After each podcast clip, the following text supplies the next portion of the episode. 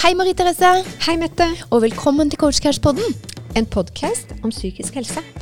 Jeg er gestaltpsykoterapeut og representerer faget. Det gjør du. Du er fag, jeg er folk, og her skal det kjøres på med masse spennende spørsmål rundt temaet. Det skal også komme gode gjester, fagfolk, i studioet vårt.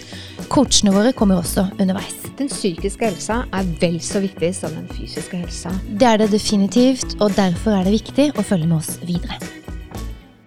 Hei, Marie Therese. Hei, Mette. Hei, og hei til deg, Rolf Martinsen. Hei. Hei, velkommen til Kortsketsj studio.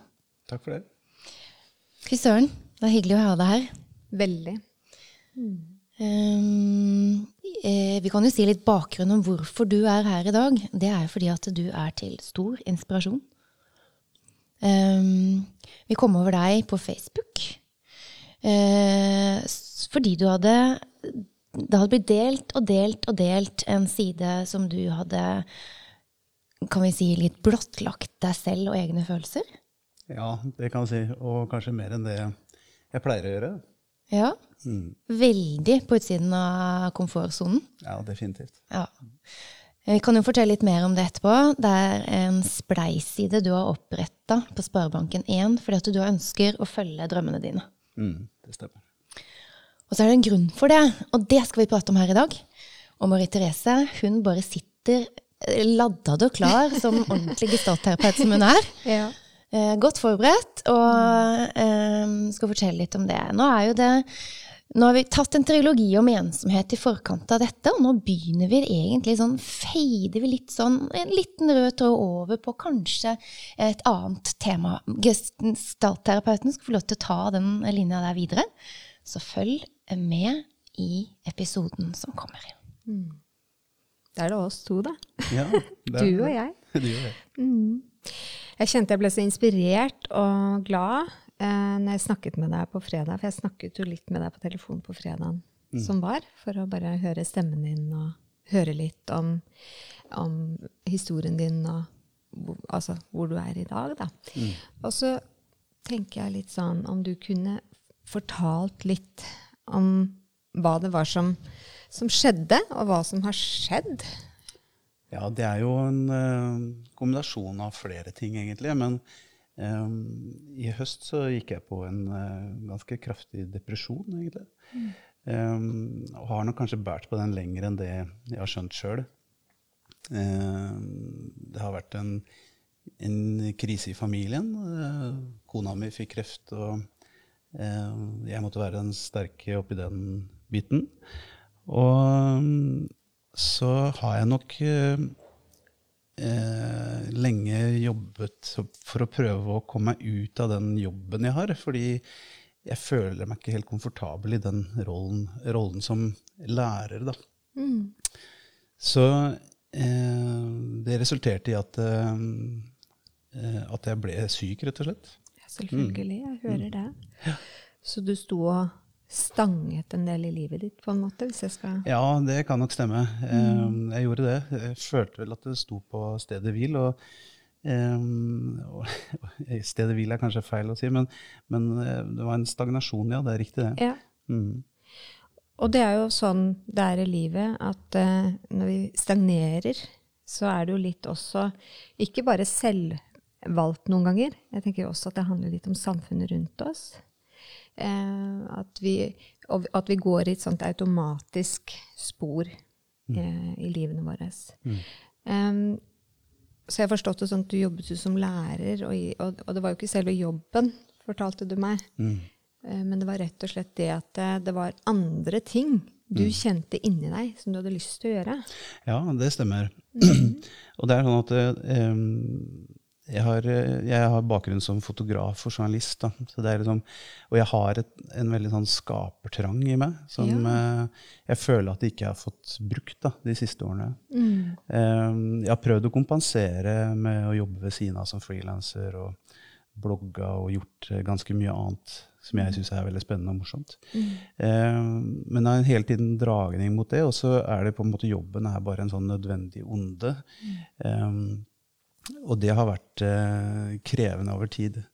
Så har jeg liksom søkt eh, jobber og prøvd å komme meg liksom ut av det sporet, men Men eh, jeg, liksom, jeg har passert middagshøyden i livet. eh, og, og, og det er ikke lett å få jobb. Eh, For det første så er det få jobber her i distriktet. Jeg har ikke lyst til å flytte på meg. For jeg har jo barn som går på skole her, og familie og nettverket mitt er her, og det trives jeg veldig godt med. Og så er det mange, mange som har ty lignende type utdannelser og erfaring, og så er mange om beinet på de få jobbene som er. Um, og det var derfor jeg kom til den konklusjonen. Nå har jeg vært syk en stund, og så tenkte jeg at det, hvis, jeg ikke, hvis jeg ikke får noen jobb, så får jeg skape min egen arbeidsplass. Ja. Og, og drive med det jeg har lyst til å drive med. rett og slett.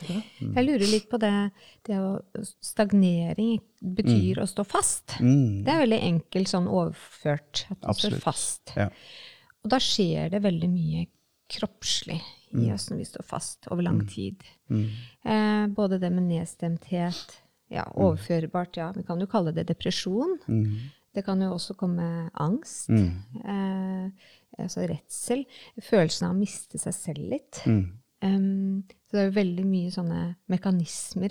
Til og med svimmelhet, nummenhet. Mm. Eh, det å ikke føle noe særlig mer. Mm. Depresjon er jo veldig sånn at Mm. Vi nummer oss selv, sånn egentlig fra halsen. Stopper og vi kjenner ikke Det er ikke noe bevegelse i oss lenger. Mm. Og så lurer jeg litt sånn på eh, den stagnasjonen. Mm. Eh, som det, det, når du satt skikkelig fast. Mm. Hva var det som skjedde eh, når du liksom begynte å bevege deg ut av det? hva, vet du hva du sier Nei, om det? ja, altså, jeg, da hadde jeg fått på en måte avstand fra dette litt. altså, ja. Fordi jeg gikk sykemeldt. Flott. Eh, Jeg går i terapi da, hos en psykiater eh, med kognitiv terapi, som på en måte har vært veldig bra hjelp for meg. Eh, eh, Men jeg tror nok eh, den, den ideen, tanken om å drive for meg sjøl, den kom, kom for en stund siden. Og jeg tenkte at eh, det her, det, det her er no, Nå skal jeg gjøre det. Det er nå jeg skal Nå gjøre det. Nå skal du Mm. gjøre det. Så du bare kjente at nå skal jeg gjøre det. Så du fikk drahjelp også i terapi, Ja. eh, Mm. selvfølgelig, og, og støtte antagelig også fra venner. Og, Ja, og det er jo det som på en måte kanskje har overraska meg mest da, etter jeg la ut denne spleisen. Det er egentlig hvor mange som faktisk bryr seg. ja. Eh, ikke bare at det har kommet inn penger, men at det, eh, jeg har fått veldig mange henvendelser. Eh, folk har ringt meg, folk har faktisk kommet hjem til meg for å lure på eller fordi de har skjønt at det ikke har vært så bra. Da. Eh, og, og det har kommet fra overraskende personer som jeg ikke hadde drømt om skulle gjøre noe sånt. Og det syns jeg har varma veldig. Og det kjenner jeg sånn Selvfølelsen min blir jo vesentlig bedre ved, ved det. Selvfølgelig. At det noen skjønner at eh, jeg har hatt det vondt. Da. Mm. Så, så det har vært en eh, Mm.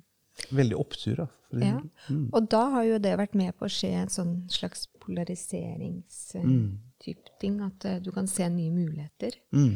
Eh, og da te får jeg en tanke om at det begynte å skje litt bevegelse Ja. inni deg.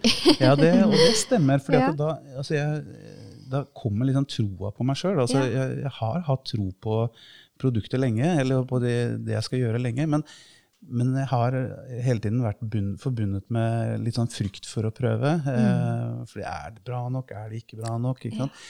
Eh, men da, da kom det en del, ja. Det, det løsna litt da. Jeg må innrømme det. Mm. Og så tenker jo jeg altså, fordi at eh, når man står i en sånn eh, stagnasjon, så er det noen faser der. Mm. Så, så jeg har bare lyst til å også nevne disse fasene. Mm. Eh, og det kan hende du kjenner deg igjen. ikke sant? Og den første er jo da eh, denne her eh, stagnasjonsfasen. Altså det jeg sa, det å sitte fast. Mm. Ikke sant? Eh, det kan være at man har gjort det over mange år. Eh, eh, og, og det er rett og slett også det jeg sa, at egenbehov blir ikke oppfylt. Ikke sant? Og så har vi da en, den neste fasen, som er en sånn slags polariseringsfase. Eh, og det er rett og slett at det er eh, motstridende krefter. Eh, altså man kan oppleve store indre spenninger, en indre kamp. Mm. sant? Altså en indre konflikt. Skal jeg det, eller skal jeg det? Ikke sant? Hva skal jeg velge? Altså det er en sånn valg i det. Og så er det en spredningsfase. Eh, og der eh, kan man føle kaos, forvirring eller en slags sånn tomhetsfølelse. Mm. Eh, det å sitte fast. Mm. Eh, det er liksom ikke noe løsning på noe. Hva skal jeg gjøre, ikke sant?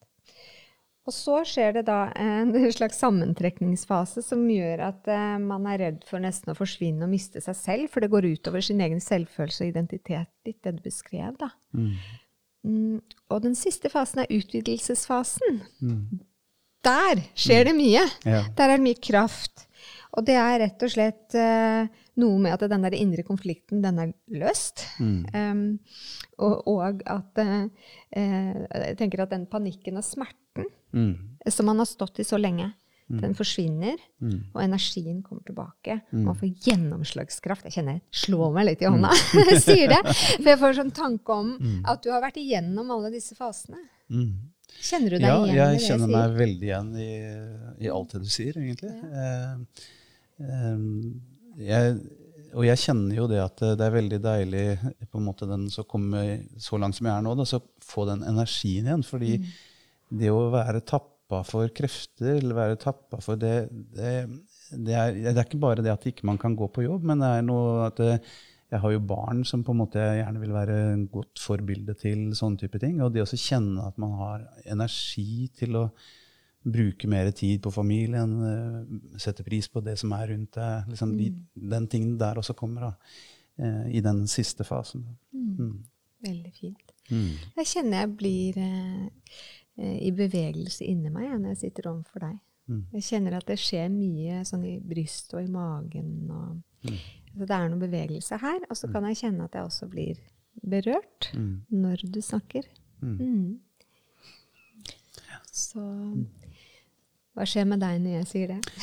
Jo, jeg kjenner jo det sjøl òg. Jeg, jeg, jeg syns jo um, Det å gå ut med dette um, og på en måte kringkaste det, på en måte, eh, er jo en sånn selvransakelse på mange måter. Og det er kanskje noe jeg ikke har vært så flink til før, å fortelle om hvordan jeg har det. Men når vi sitter og prater om det, så kjenner jeg jo det i brystet, jeg òg. så du kjenner det, du òg? Mm. Mm. Så da er det Mm. noe som skjer i feltet her mellom oss, Mm, ikke sant? absolutt. Mm. Mm.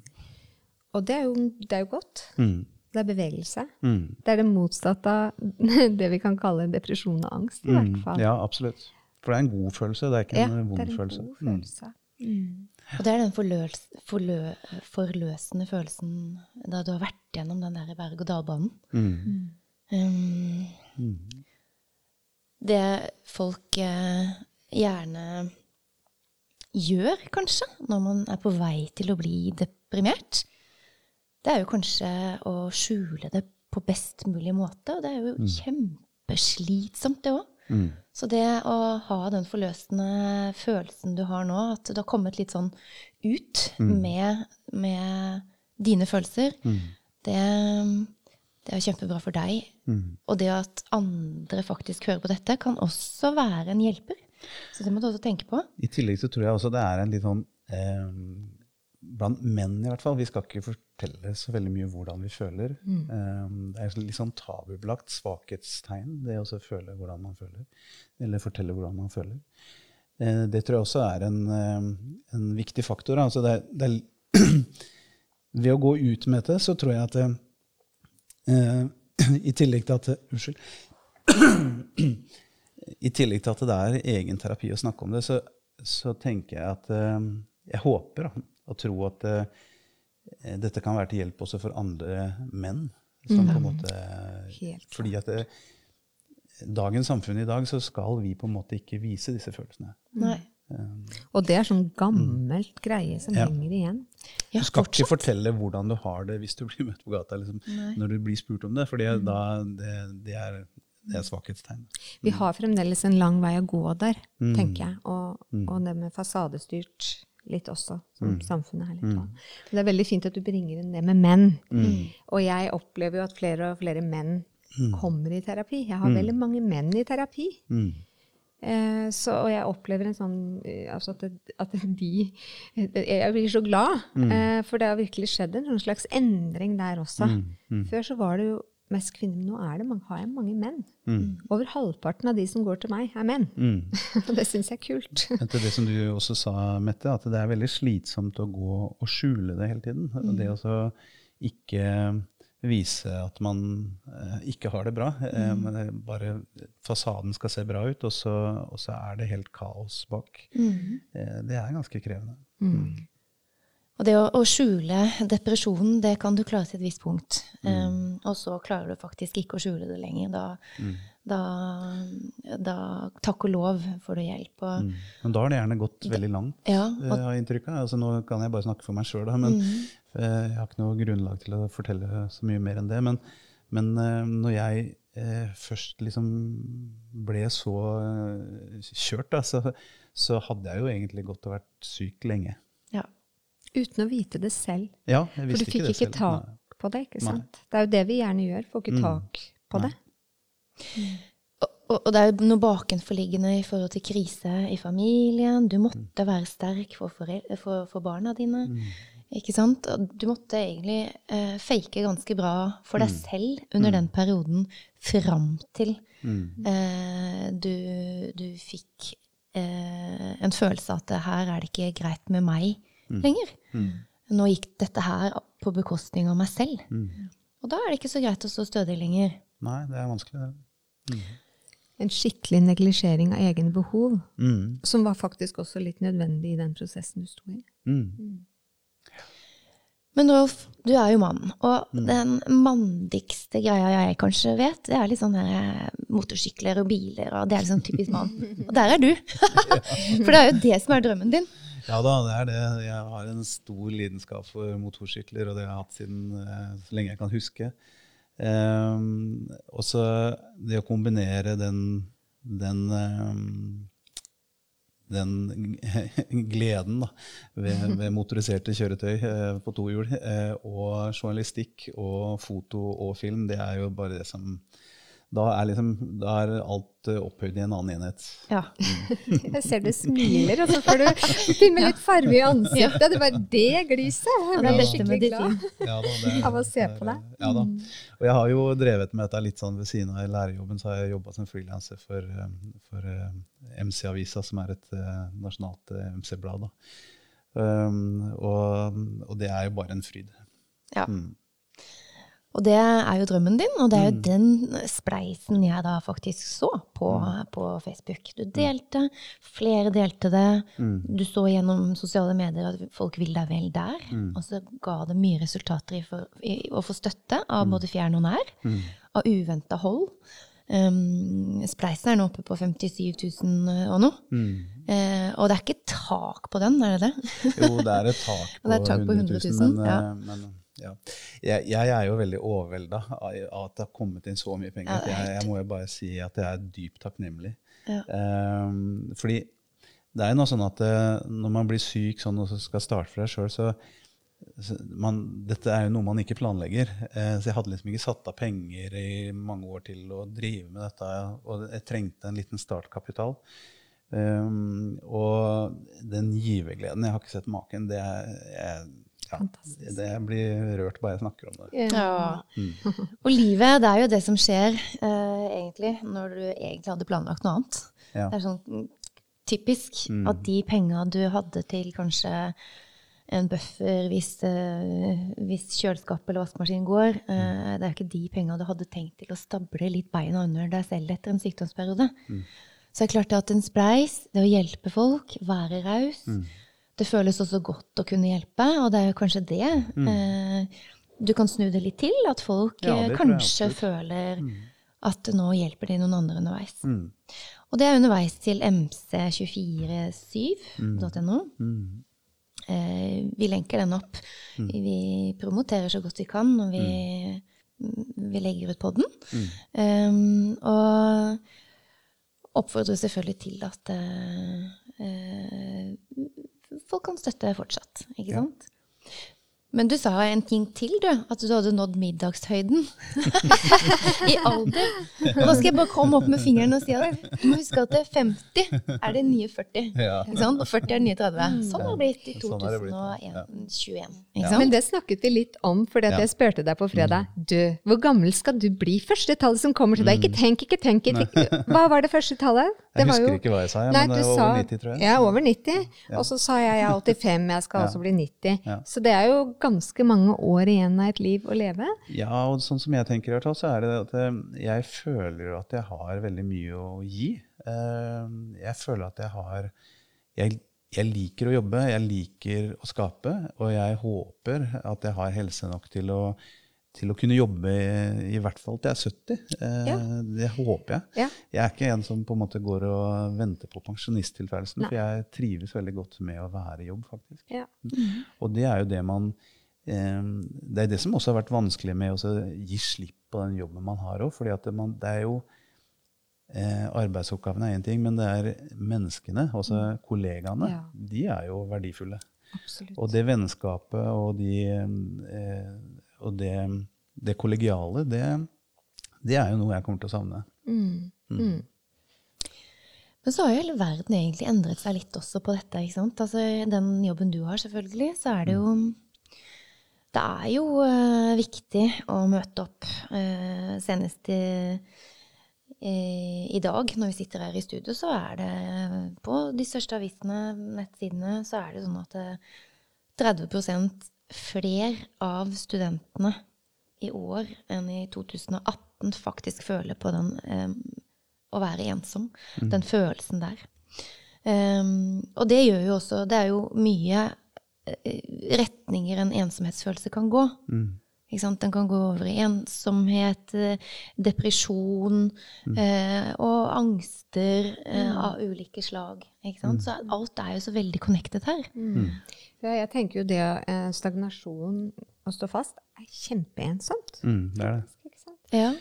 Og det, i den stagnasjonsfasen, som du kaller det, da, så var det jo sånn at uh, helt ubevisst så prøvde jeg å skyve alle vekk fra meg. Ja, selvfølgelig. Fordi at uh, når du ikke har det godt med deg sjøl, så, så vil du helst ikke innlemme andre i det. Mm. Um, så, så, og det kommer ganske, ganske vonde tanker eh, i den perioden der, sånn, hvor på en måte du, du ønsker Du ønsker deg ut på en måte, men, men du vet ikke helt Og det er helt ubevisst så kommer den der eh, ensomhetsfølelsen, som du sier. Og det var en stund jeg følte meg litt ensom. Ja, ja. Står skikkelig fast. Mm. Mm.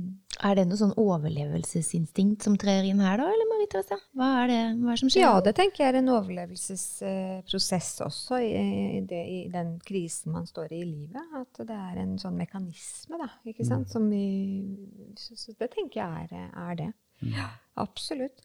Um, mm. vi, vi, er jo, ikke sant? vi er jo der vi er i livet. Mm. Eh, og da, da er det jo Og vi er der med hele oss, ikke sant? Mm. Hode, eh, kropp og følelser. Mm. Um, og dette henger sammen. Så det er jo klart det at det, det påvirker jo hele oss Mm. å stå fast. Mm. Ikke vite hvilken vei man skal gå. Ja, det er ganske krevende, altså. Er. Mm. Mm. Jeg er så glad i sånne litt sånne ord, ord, ord, eh, gode setninger og ord. Ja. Så det viktigste i all framgang, det er jo nettopp det neste skrittet. ikke sant? Og det er ett skritt av gangen, var det en gammel mentor av meg som sa, Frank Beck. Ja, har jeg nevnt før. ja, og den er ganske enkel, men kjempevanskelig. Når du kommer nærmere målet. Når du, ikke sant? Altså, det er da faktisk de, de, de lengste skritt, de korteste skrittene kan virke lange. Ikke sant? Det er like før ehm, du kan kanskje si at du, nå har du lagt det bak deg. Mm.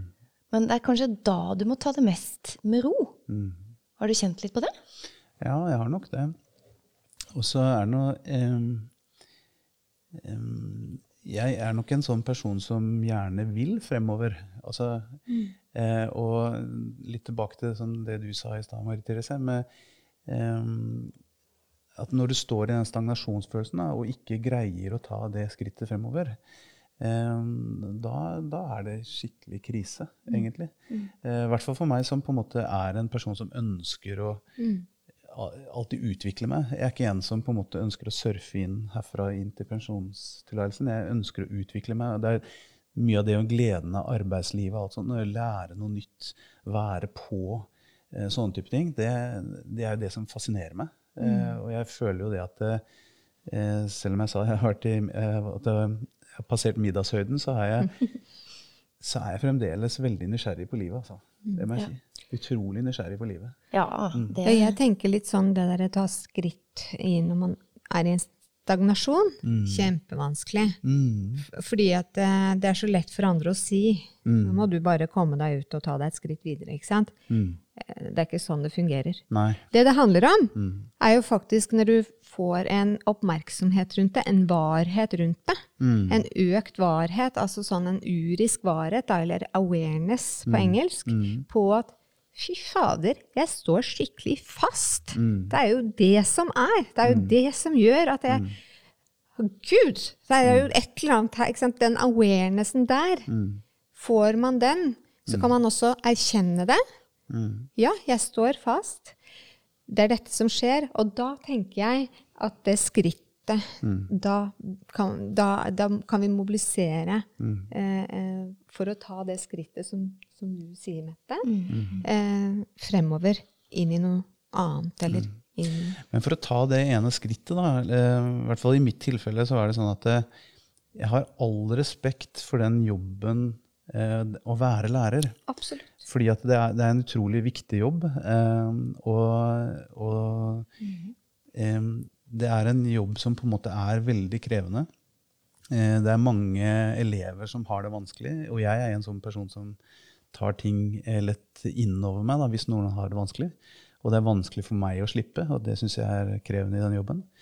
I tillegg til også eh, det er svakhetsfølelsen, eller det å si at jeg vet, dette her fikser jeg ikke, eller dette går ikke.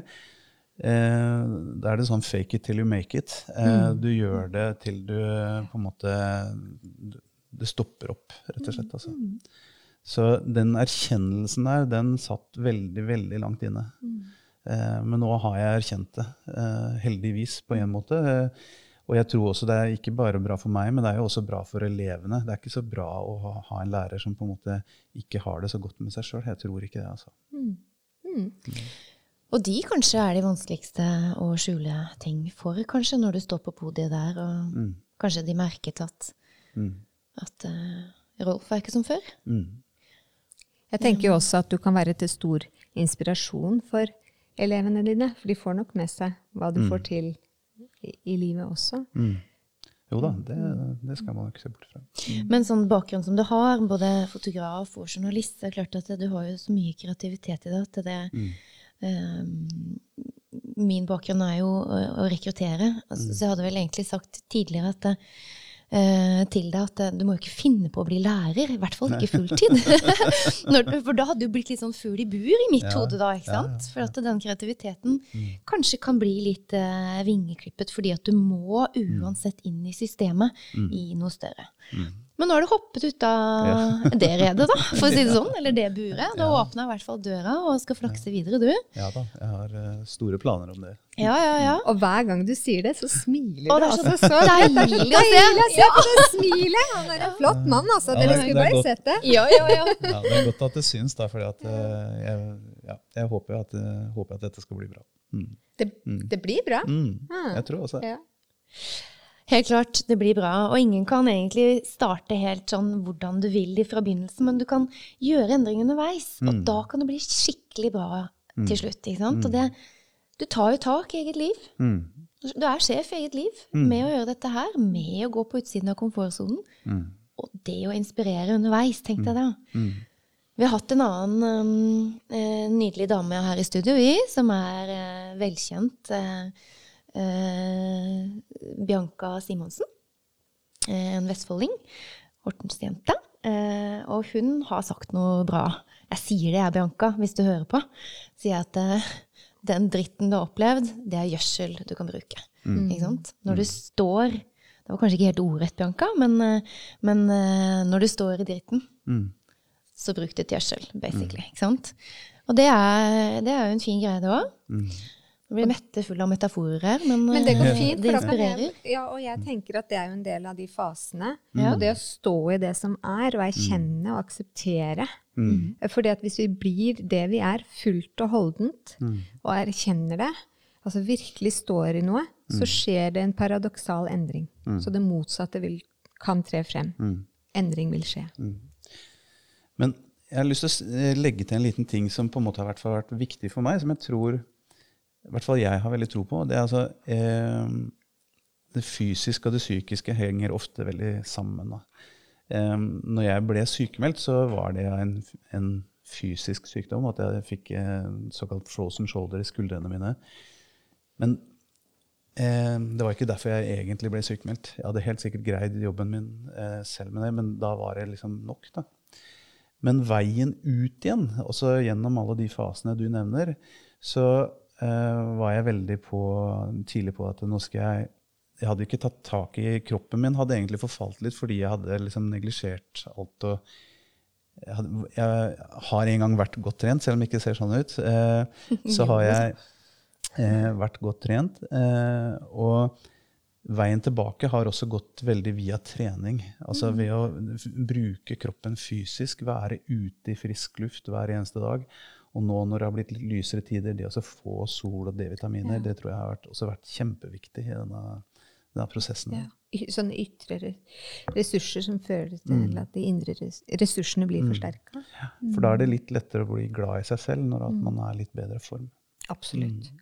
Og det er jo godt for hjernen å være i aktivitet, og vi er skapt for det. Mm. Mm. Er ikke det fascinerende? At nok en gang så har vi et egentlig godt eksempel på at kroppen henger så voldsomt med toppen. ikke sant? Og, og den er jo connected med halsen, absolutt. Vi, vi vet jo det. Men når hodet ikke faktisk forstår at du må stoppe, så forsøker jo kroppen å snakke til deg på et vis. Mm. Da, gjør, da kommer det vondter fram. Mm. Og så neglisjerer vi og ignorerer vi på beste mulig måte, for det er så enkelt med disse Paracetene som du kan enkelt få tak i på, på matbutikker. Ikke sant? Altså, det er viktig at du sa, altså. For det er så varseltegn. Mm. Det at man begynner å få litt vondter, det er et tegn på at hei, her må du faktisk stoppe opp litt. Og når du ikke gjør det, Mm. så går det verre. Ikke sant? Mm. Og så er det noe med at den, den nedbrytninga av egen kropp, da, den, den skjer jo så veldig sakte, og man merker det jo egentlig ikke. Og hvis man vil i dag, så kan man jo være veldig passiv. Altså man kan eh, nærmest, Du får jo maten din servert på døra, holdt jeg på å si. Du kan bestille mat, og du, du trenger nesten ikke å gå ut av døra. Um, og, og det å være i fysisk aktivitet, det, det tror jeg kanskje er viktigere enn noen gang når vi har egentlig såpass passive liv da, i forhold til yrke og, og sånne ting. Så tror jeg det er kjempeviktig at man kommer seg ut og får trena litt og får brukt kroppen litt. Det tror jeg er kjempeviktig. Og i, i hvert fall i forhold til depresjon og Mm. angst, så er det å, å mobilisere Mm. eh, krefter og godhormoner. Mm. Det blir jo bare sprøytet ut fra hjernen og ut i kroppen. Mm, absolutt. Mm. Og det var jo vår første samtale. En liten rusletur på vakre eh, nasjonalparken eh, Borre, eh, Borrehaugen, Mm. Vestfold-Horten. Eh, og eh, da fikk vi en god prat. Mm. Og, og det var jo selvfølgelig enda mer eh, utenfor komfortsonen Mm. for deg, Mm. fortalte du meg. Ja, det stemmer. Og det er jo naturlig, i og med at vi ikke kjenner hverandre ordentlig godt. ikke sant? Så møte sånn plutselig ute i det fri. Eh, du er godt gift, og det var ikke noe på å si dette her. Det var bare en samtale om at vi skulle faktisk kanskje få deg inn til en podkast. Ikke sant? Følte du litt på det å møte nye mennesker underveis i prosessen du har vært i? Har, du er jo en glad person, utadvendt lærer. Tidligere skulle man ikke tro at du hadde syntes det hadde vært vanskelig. Synes du var, nå leder jeg deg litt inn på det, men mm. hvordan syns du det var egentlig, når jeg tok en henvendelse til deg? Nei, nå skal det sies at uh, jeg har jo alltid slitt med litt sosial angst. Eh, og uh, i den prosessen da, som du nevner her, Mette, så, så var det Jeg tok det litt som litt egenterapi, fordi min psykiater som jeg går til, sier at eh, den beste måten å, å, løse det på, er å konfrontere eh, den typen angst. Da, og utsette seg selv for, eller ut, utsette seg selv for de situasjonene som påfører angst. Um, så, så, men selvfølgelig, når jeg var veldig, veldig syk, så forsterka den sosiale angsten seg veldig. Mm. Og jeg opplevde noen veld, veldig ubehagelige situasjoner eh, i egentlig veldig hyggelige settinger. Eh, som på en måte, og, og det ble fysisk etter hvert. altså Jeg kjente det i brystet mm. og høy puls. Og, eh, og, var veldig engstelig, faktisk, lenge etterpå. Så, så, det med den derre sosiale angsten Det er nok noe som har fulgt meg hele livet, mer eller mindre. Og jeg har hatt noen strategier for å unngå det. men men det forsterkes veldig når man er langt nede. da.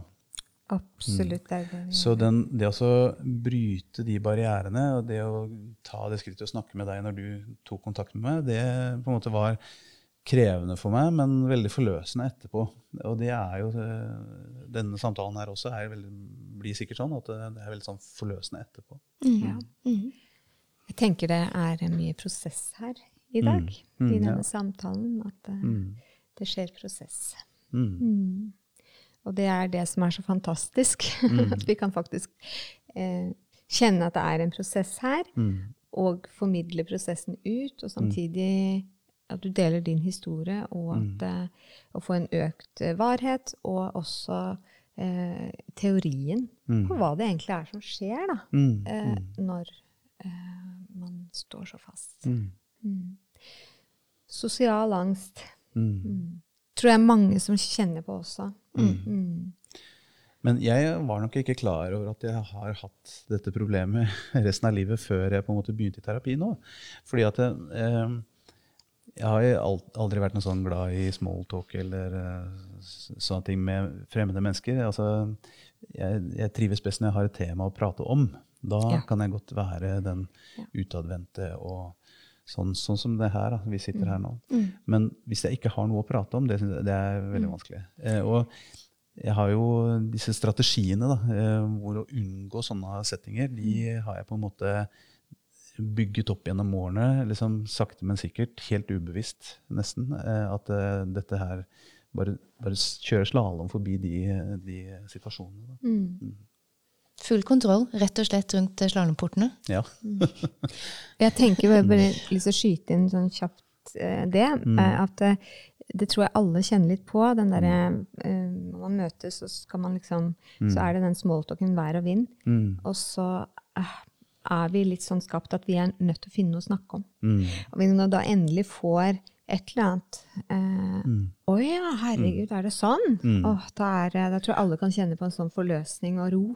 Mm. Det er noe angst i, en, mm. i den forkontakten. Mm. Eh, naturlig angst mm. hos eh, alle mennesker, rett og slett. For vi er jo i kontakt med hverandre. Og, og, jeg tror at alle kan kjenne på den, uh, den uroen.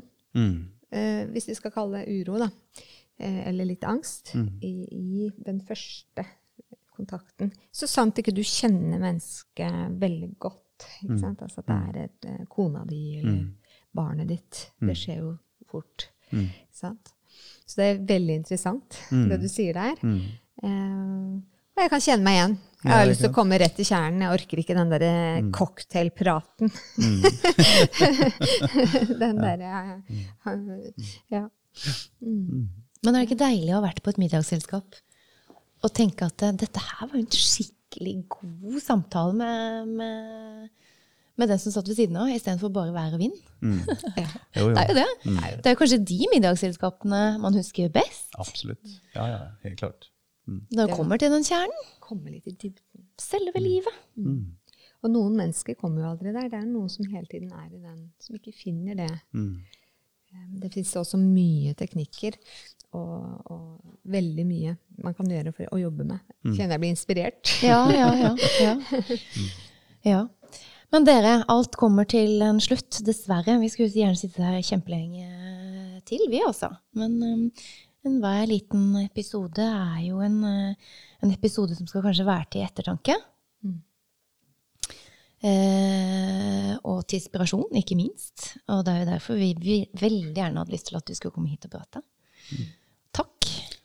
Takk. Tusen takk. Takk for at Tusen jeg fikk hjertelig komme. Det var veldig hyggelig.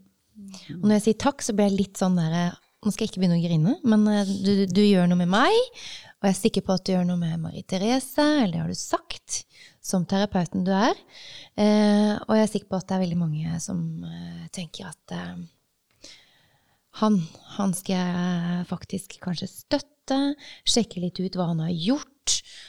MC 24-7, fart og spenning, ikke sant? Altså det er eh, motorsykler, og det er din passion. Kanskje den som hører på nå har lyst til å finne sin passion, og, og, gå, eh, og gå for den som målet i livet. Jeg tenker at eh, det er aldri for seint. Det er aldri for seint. Aldri for seint. Aldri for seint. Ja, men eh, takk skal du ha, Rolf, som eh, kom til oss her i studio. Kjempefint. Så må dere ha en god dag videre i det nydelige været, og dere lyttere der ute også. Og er det ikke sol, så lag sol inne, spør du meg. ok, vi høres. Ha det. Ha det. Ha det. Ha det.